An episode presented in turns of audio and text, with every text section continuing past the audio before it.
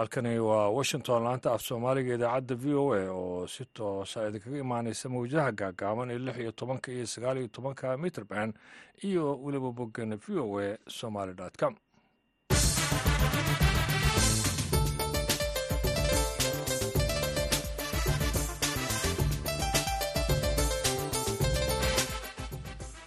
subax wanaagsan dhegeystayaal dhammaantiinba waa subax isniin ah siddeedda bisha janawari ee sanadka labada kun iyo afar iyo labaatanka idaacadda saaka iyo caalamka waxaa idiin soo jeedinaya anigu ah ibraahim xasan daandure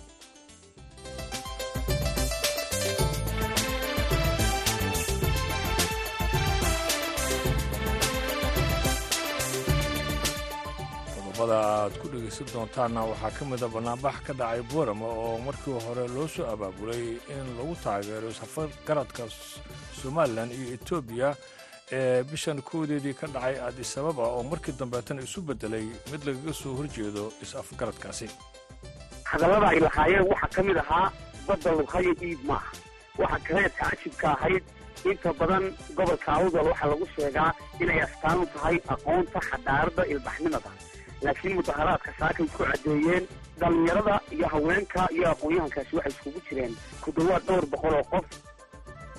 Waxaa kale oo aad dhegaysan doontaan muran soo kala dhex galay madaxweynaha kenya iyo hay'adaha garsoorka.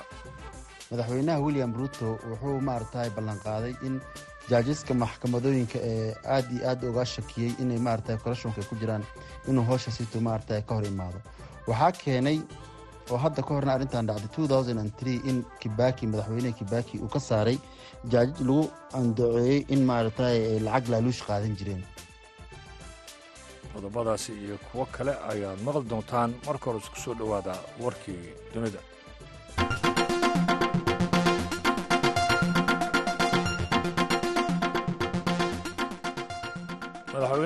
ukrein valadimir zelenski ayaa muujiyey kalsoonida ah in ruushka laga adkaan karayo wuxuuna ka digay in dagaalka ukrein uu muujiyey in yurub ay hormariso wax soo saar hub oo wadajir ah oo ay la yeelato ukrein oo ay markaasi ku samaysato hub ku filan oo ay isku daafacdo laba sano oo dagaalkana ayaa caddeeyey in yurub ay u baahan tahay hub ku filan inay ku difaacdo xorriyadda iyo awooddeeda u gaarka ah si loo xaqiijiyo difaaca taasi oo u golaan doonta dhammaan yurub ama qayb kasta oo ka mid ah in ay istaagto oo ay isku ilaaliso xaalad kasta oo caalami ah ayuu yidhi zelenski zelenski ayaa hadalkaasi ka sheegay aaladda fogaan aragga ee shirkii difaaca ee stockholm axadda. Halka wasiirka arrimaha dibadda ee sweden tobas billstrom uu isna axaddii muujiyey sida waddankiisa ay uga go-an tahay taageerada kiev dalka jabaan ayaa sidoo kaleeto wuxuu ballan qaaday inuu taageerayo kiev markii wasiirka arrimaha dibadda ee jabaan yoko kimikawa uu booqasho aan la shaacin ku tegay caasimadda ukrein taasoo ah booqashadii u horreysay ee rasmiga ee sarkaal ajnebiga uu ku tago. Caasimadda ukrein labada kun iyo afar iyo labaatanka kuuriyada waqooyi ayaa mar kaleeto waxa ay madaafiic ku garaacday meel u dhow xuduudeeda kacsan ee badda ee ay la wadaagto kuuriyada koonfureed axaddii iyadoo hogaamiyaha kuuriyada waqooyi kim jong un walaashiis. Kim yo jung ay ku jeejeestay awoodda kuuriyada koonfureed ay u leedahay inay ku ogaato gantaalada ay ku soo ridayso kuuriyada waqooyi taliska guud ee militariga ee kuuriyada koonfureed ayaa meesha wuxuu ka saaray hadalka kim yo jong oo uu ku tilmaamay mid loola jeedo in lagu wiiqo kalsoonida dadka kuuriyada koonfureed ay ku qabaan militariga iyo weliba kicin iyo kala qaybin. Taliska ayaa waxa uu sheegay in kuuriyada waqooyi ay ku riday in ka badan sagaashan rasaas meel u dhow xuduudda badda galbeed ee lagu muransan yahay wuxuuna sheegay in kuuriyada koonfureed ay si deg deg ay ugu boorisay kuuriyada waqooyi inay markaasi si deg dega u joojiso falalka daandaansiga. Warkiina dhegeystayaal waa naga intaas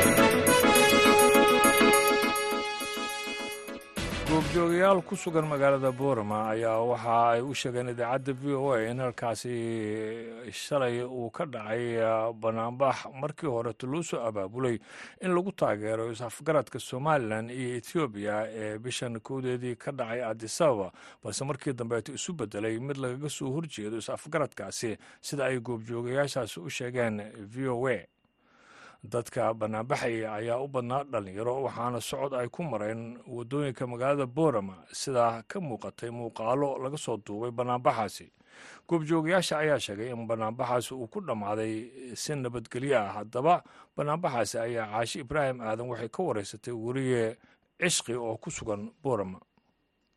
Goobjoog baan u ahaa banaanbax baase ka dhacay magaalada boorama waxaana boorama iskugu soo baxay aqoon-yahanka dhalinyarada iyo haweenweynaha qaarkood mudaharaadkoogaasi waxa uu salka ku hayay oo ay ku caddaynayeen inaanay badda lagu hayo iibahayn waa gartay. Banaanbaxa yaa soo qaban qaabiyey dadka yaa isu keenay. Banaanbaxaasi cid soo qaban qaabisay haba yaraatay ma jirto. Damiir ahaan baa iskugu yeedhay oo ay ku soo baxeen. Arrintanina waxay timiday kadib markii ambasador radwan xuseen oo ah la taliyaha amniga ra'iisul wasaaraha dalka etoobiya markii uu waraysi siiyey habeen dhaweyta t v-ga etoobiya waraysigaasina ujeedkiisu uu ahaa inuu ku caddeeyo badda etoobiya iyo somaliland ay ka wada hadleen oo ah badda lughaya ee gobolka awdal. Taasaa keentay inay dadku isku soo baxaan oo ay ka dhiidiyaan arrintaasi isla markaana ay caddeeyaan inaana baddooda laga iibin karin dalka etoobiya ee aanu jaarka nahay. Dadka soo bannaan baxay ee mudaharaadka sameeyey maxay lahaayeen? Hadallada ay lahaayeen waxaa ka mid ahaa badda lughaya iib maaha waxa kale tacajibka ahayd inta badan gobolka awdal waxaa lagu sheegaa inay astaan u tahay aqoonta xadaarada ilbaxnimada. Laakiin mudaharaadka saakay ku caddeeyeen dhalinyarada iyo haweenka iyo aqoon-yahankaasi waxay iskugu jireen ku dhawaad dhowr boqol oo qof dhammaan laameyda kala duwan ee magaalada boorama ay dhex marayeen waxaanay sameeyeen waxaan hore loo arag oo dadku ay cashir u noqon karta ama magaalooyinka kale ama soomaalida inteeda kaleba taasoo ahayd in mudaharaadkaasi uu ahaa mid bilaa buuq bilaa qaylaha meheradahi aan waxba lagu yeelin. Askarta qaarkood baad arkaysay oo dhex maraya shacabka. Shacabkuna ay ku dhawaaqayaan badda lughaya iib maaha waanan ka soo horjeednaa lughayana annagaa iska le ma jiraa wax shaqaaqo ah ama dhibaato ah oo banaanbaxaasi uu sababay? Wax dhibaata oo halkaasi ka dhacayna ma jirto.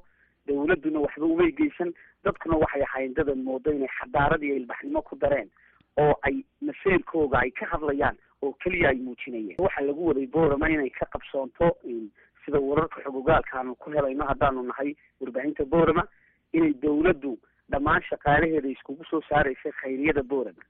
Taasoo lagu taageerayey heshiiska somaliland iyo etoobiya ee ah baddaasi. Laakiin taa beddelkeeda dawladdii ma soo bixin waxaanay dadku mar keliya ku waaberiisteen shacabka oo aada moodayso inay si xaddhaafa u soo qulqulayaan markii ay gebi ahaanba dhamaysteen mudaharaadkoogaas iyagaa si iskooda dadku u kala dareeray dawladduna kamay soo qayb gelin cidna ma iman rabasna ma dhicin sidaa laajigeed kowdii duhurnimo markii ay ahayd. Ayay arrintaasi maxay ahayd inay dhamaatay mudaharaadkaasi? Ma jiraa dad ka mid a dadkii mudaharaadka dhigayey oo shacabkii la hadlay oo iyagii ma isla hadleen qudhoodii qaarkood bulshada ka mid ahaabaa hadlay waxaanay caddeeyeen oo ay warbaahinta qaarkood u sheegeen inay ka soo horjeedaan baddaasi lughaya ee la leeyahay waa la iibinayaa. Heshiisku markii uu dhacay somaliland iyo etoobiya dadku waxaa khalkhalgeliyey oo ay dadku raadinayaan baddu tay tahay. Dadka qaar waxay saadaalinayeen inay berbere tahay halka qaarkood gobolka awdalna ay lahaayeen baddaasi waxay noqonaysaa saylic ama lughaya laakiin ambasador radwan xuseen oo ah la taliyaha dhanka amniga ra'iisul wasaaraha etoobiya ayaa isagu waraysi uu siiyey etoobiya gebi ahaanba ku khasifay oo sheegay inay baddaasi tahay lughaya taasaa markaa sababtay inay roo ree awdal sidan keliskaas halka iskugu soo baxaan. Markii ay si hoose u maqleen inay dawladdu shaqaalaheedii iyana diyaarisay oo la taageerayo heshiiskaasi marka reer awdal iyagu waxay si gaara u dhibsadeen in baddaa dhulkooda ku taalla ama degaankooda si kale haddaan u dhigo ku taalla inay tahay tan heshiiska lagu gaaray. Ma taasa aada iyo aad.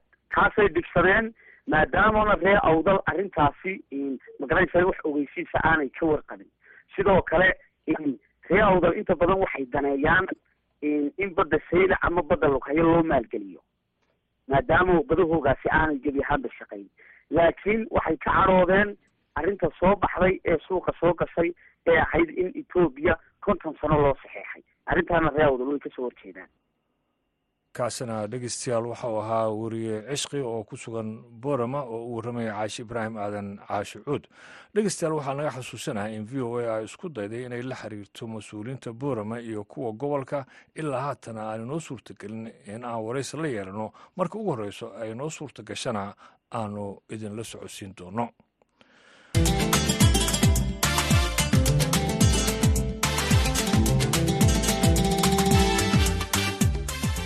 khilaaf xoogan ayaa soo kala dhex galay madaxweynaha iyo garsoorka maxkamadaha ee dowladda kenya kaasi oo ka dhashay kadib markii madaxweyne william ruto uu sheegay in garsoorka kenya uu musuq maasuqu u hareeyey kaasi oo uu xooga saari doono sidii wax uga qaban lahaa arrintaasi.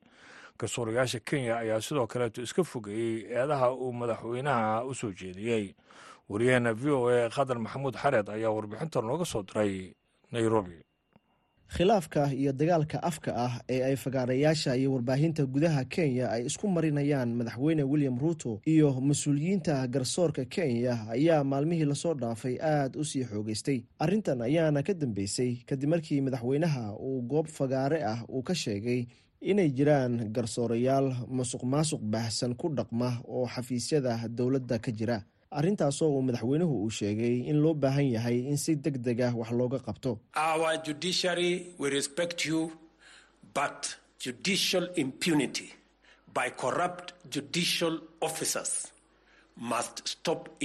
Hase yeeshee qaar ka mid ah garsoorayaasha dowladda kenya oo ka jawaabay hadalka madaxweyne ruto ayaa iska fogeeyey eedeynta musuq maasuq ee uu madaxweynuhu u soo jeediyey iyagoo madaxweynaha ugu baaqay inuu shaqadiisa uu ku ekaado oo uusan soo faragashanin shaqada garsoorka. Xafiisyada garsoorka ee kenya ayaa ah kuwo ka madax bannaan madaxtooyada iyo xafiisyada kale ee dowladda. Hase yeeshee sababta ka dambeysa khilaafka madaxtooyada iyo garsoorka dalka ayaa la sheegayaa inay tahay. Kadib markii maxkamadaha kenya ay dhowr jeer ishor istaag ay ku sameeyeen qorshayaal uu damacsanaa inuu dalka uu ka hergeliyo madaxweynaha kuwaasoo ay ka mid yihiin qorshaha dhismaha guryaha dadweynaha kenya oo ay maxkamaddu ay diiday iyo kuwo kale. Cabdirasaaq maxamed waa garyaqaan si dhow oo la shaqeeya maxkamadda sare ee dowladda kenya waxaynu wax ka weydiinay halka uu salka uu ku hayo khilaafka u dhexeeya madaxweyne ruto iyo hay'adaha garsoorka ee waddanka. Madaxweynaha william ruto wuxuu maaragtay ballanqaaday in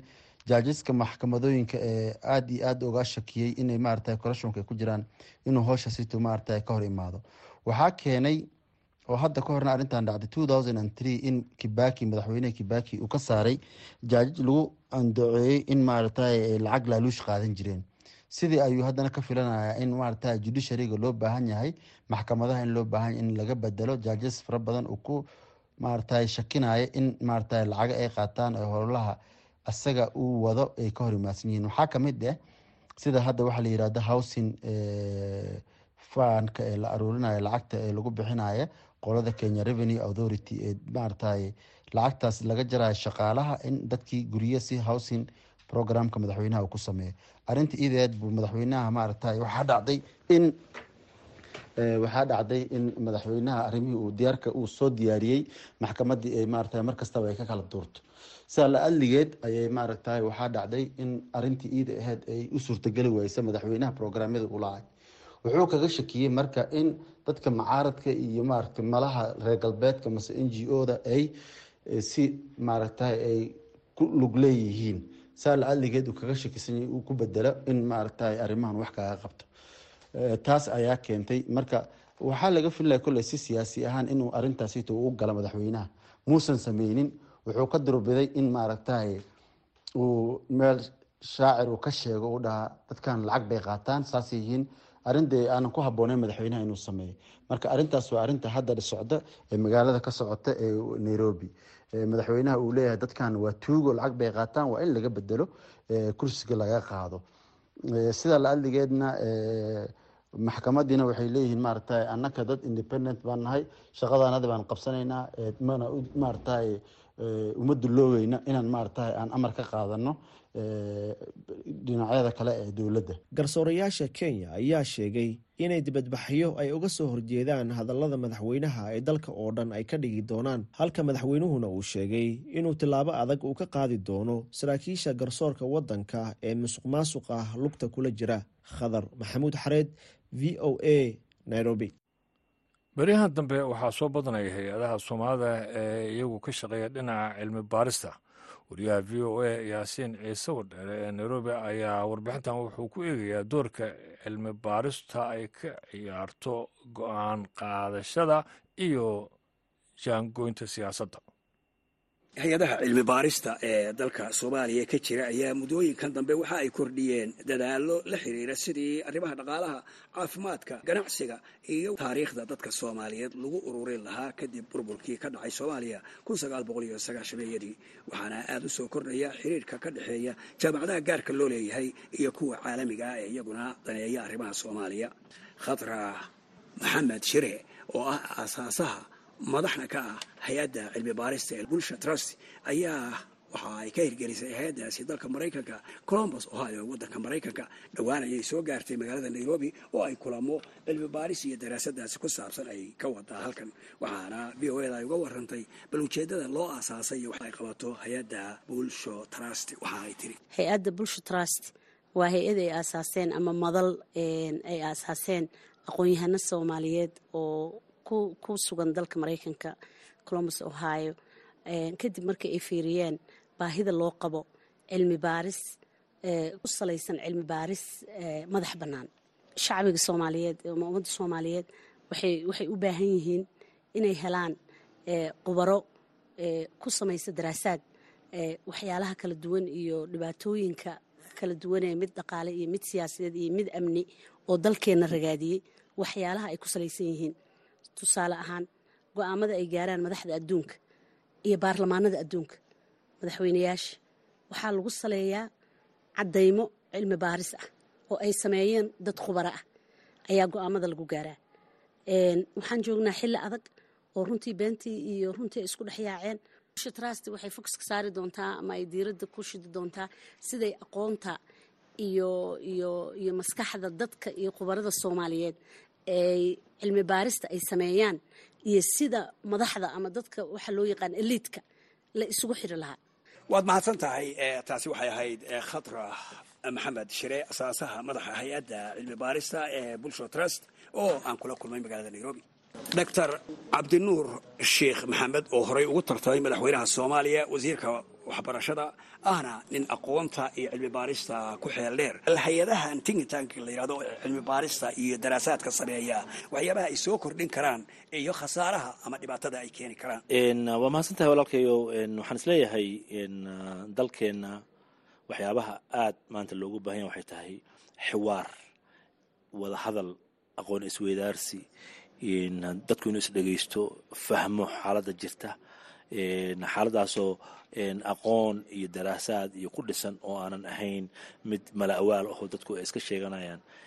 Maanta social mediaha iyo adduunka jira waxaan ka ognahay in yani runta iyo beentu ay isku dhex qasan yihiin oo aysan kala baxsanayn. Marka marka la helo xiwaar debate discussion dadku ay wada sheekaystaan ayaa caqli iyo talo iyo maaragtay strategy ay ka soo bixi karaan. Marka waxaan is leeyahay hay'adaha loo yaqaano tinka tangiska iyo kuwa xataa dalka dhexdiisa ka dhex shaqeeya oo dadka isu keena. Maalan aad waxaan u ammaanaa hay'adda p d r c ee ka dhisan gobolka puntland magaalada garowe. Oo mar alla markaan arko xiwaarka ay qabanayso ama martida magaalada timaado ama siyaasiyiinta dalka markay yimaadaan isu keenta aqoon-yahanka iyo waxgaradka isu keenta oo qofkaa la dhegaysto taladaas iyo caqligaas uu ku soo biiriyeyna la falanqeeyo laguna maaragtay camal falo. Marka waxaan is leeyahay somalida waxay tirahdaa war helaa tala helo hay'adahan cilmi baarista ah yani waa waxyaaba dalkeen aad looga baahan yahay. Waxaan is leeyahay dabcan hay'adaha noocan o kale waxay u baahan yihiin hoggaan dareensan mas'uuliyadda ay ka saaran ummadda oo ah in aqoonta iyo cilmiga ay daacad ka noqdaan oo ay warbixin daacada dadka u keenaan oo si ixtiraam leh ay dadku wax u hogaamiyaan. Marka markii hogaanka hay'adahaasu ay yihiin hogaan daacad ah oo aqoonta iyo dadka iyo dalka qadariya ayaa cilmiga ka soo baxaana uu faa'iida yeelan karaa. Haddiise ay ku socoto dhaqankii qabiiliga ahaa ama dhaqankii goboleysiga ahaa dhaqankii dadjeclaysiga ahaa haddii ku socdaan yani hay'addaas ma shaqayn karto.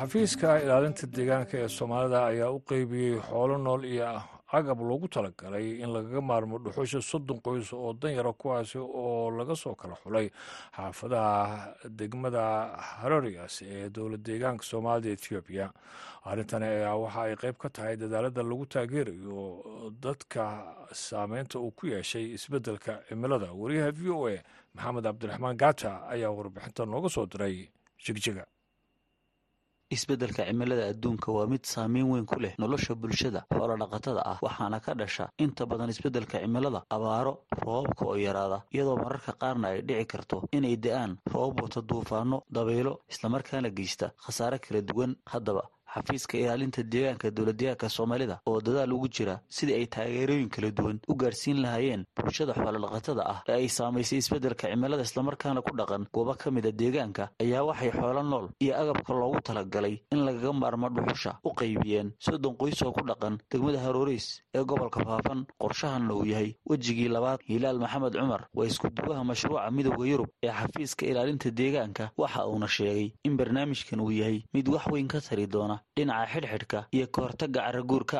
degmada harooriis halkaasoo aan ka qaybinaynay xoolo nool iyo girgiryaal iyo solar dad qoysas kala duwan oo maaragtay soddon qoys dhan ayaan u qaybinay xoolo neefaf nool oo waxaweyaan qoyskiiba la siinaya saddex saddex iyo solar iyo girgiryaasha casriga kaydiya shidada geedaha iyo hab isticmaalka geedaha naftigooda hataa yareeyo ayaan ayaan maalmo ayaan maanta halkan ka qaybinayn degmada harooriis taasoo loogu talagalay ahmiyadda weyn ee dabada ka riixaysana ay tahay. Saad ogsoontihiin degmada harooriis waa degmada kiliixa ee lagu soo samatabaxa degmooyinkan ay ku soo samatabaxaan marka degmooyin markay ku soo samataxayan leen waxa xilliga xilliyada camal hadda biilaanta ay dhacdo ama xilliyada maaragtay roob yarida ay dhacdo degmada harooriis waa degmooyinka lagu yaqaano beerashada iyo falashada. Maadaama ay tahay dhul beeraley ah oo fertilize oo maaragtay dhulka la dhihi karo wax soo saarka ugu muhiimsan waa degmada degmada maaragtay harooriis weye degmada marka sababtaas awgeed ayaa loogu soo hayaamaa oo loogu soo hayaamaa degmooyinka deriska ee deegaanka gudihiisa si ay ugu helaan biyaha iyo daaqa kala duwan ee dadka marka hore la soo baxeen.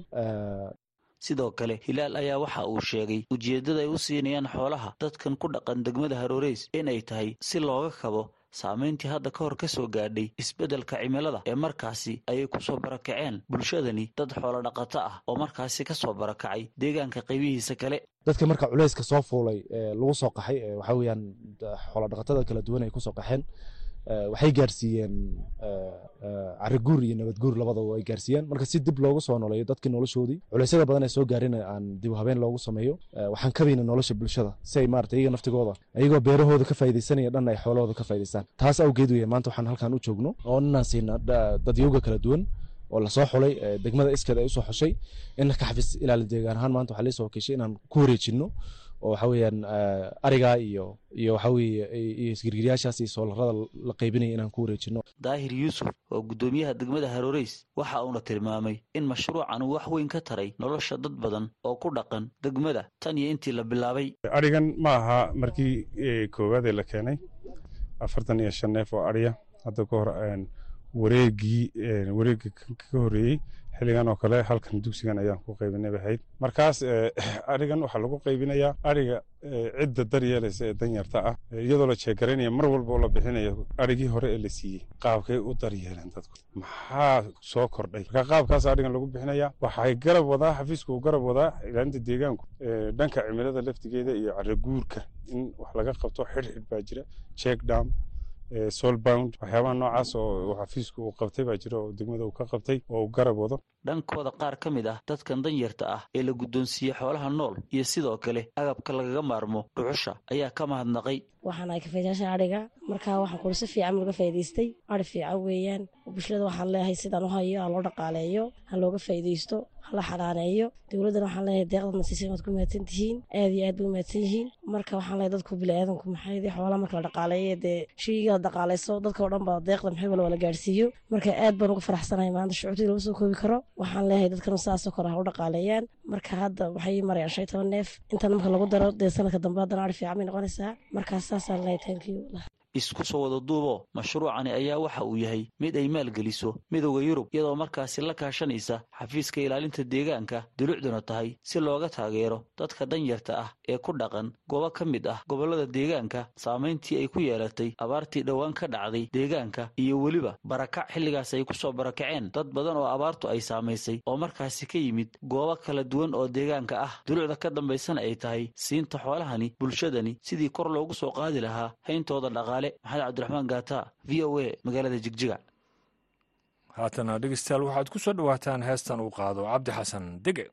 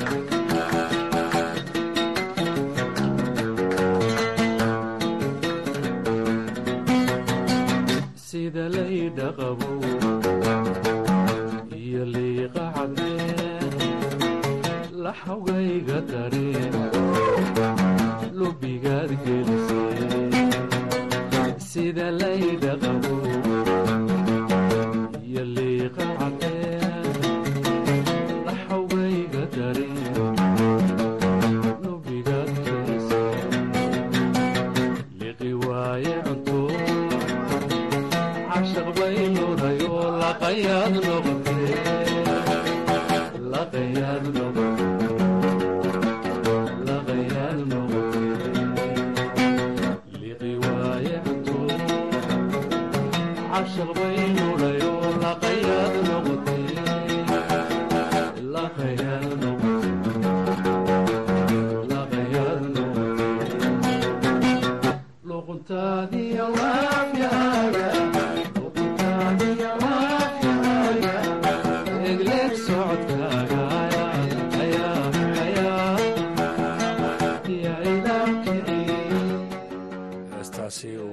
cabdi xasan dige dhegeystayaal wuxuu ugu dambeysay idaacaddeenna saaka iyo caalamka. Waxaana idinla socodsiinaya anugu ibraahim xasan. Garabay daanduray intaan marka lagu mid doono nabadgelyo.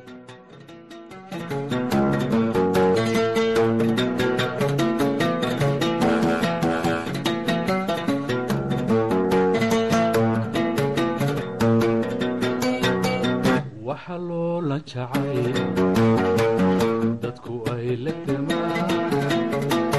haddan laysla lulay midunbaa lugulay waxa loola jacay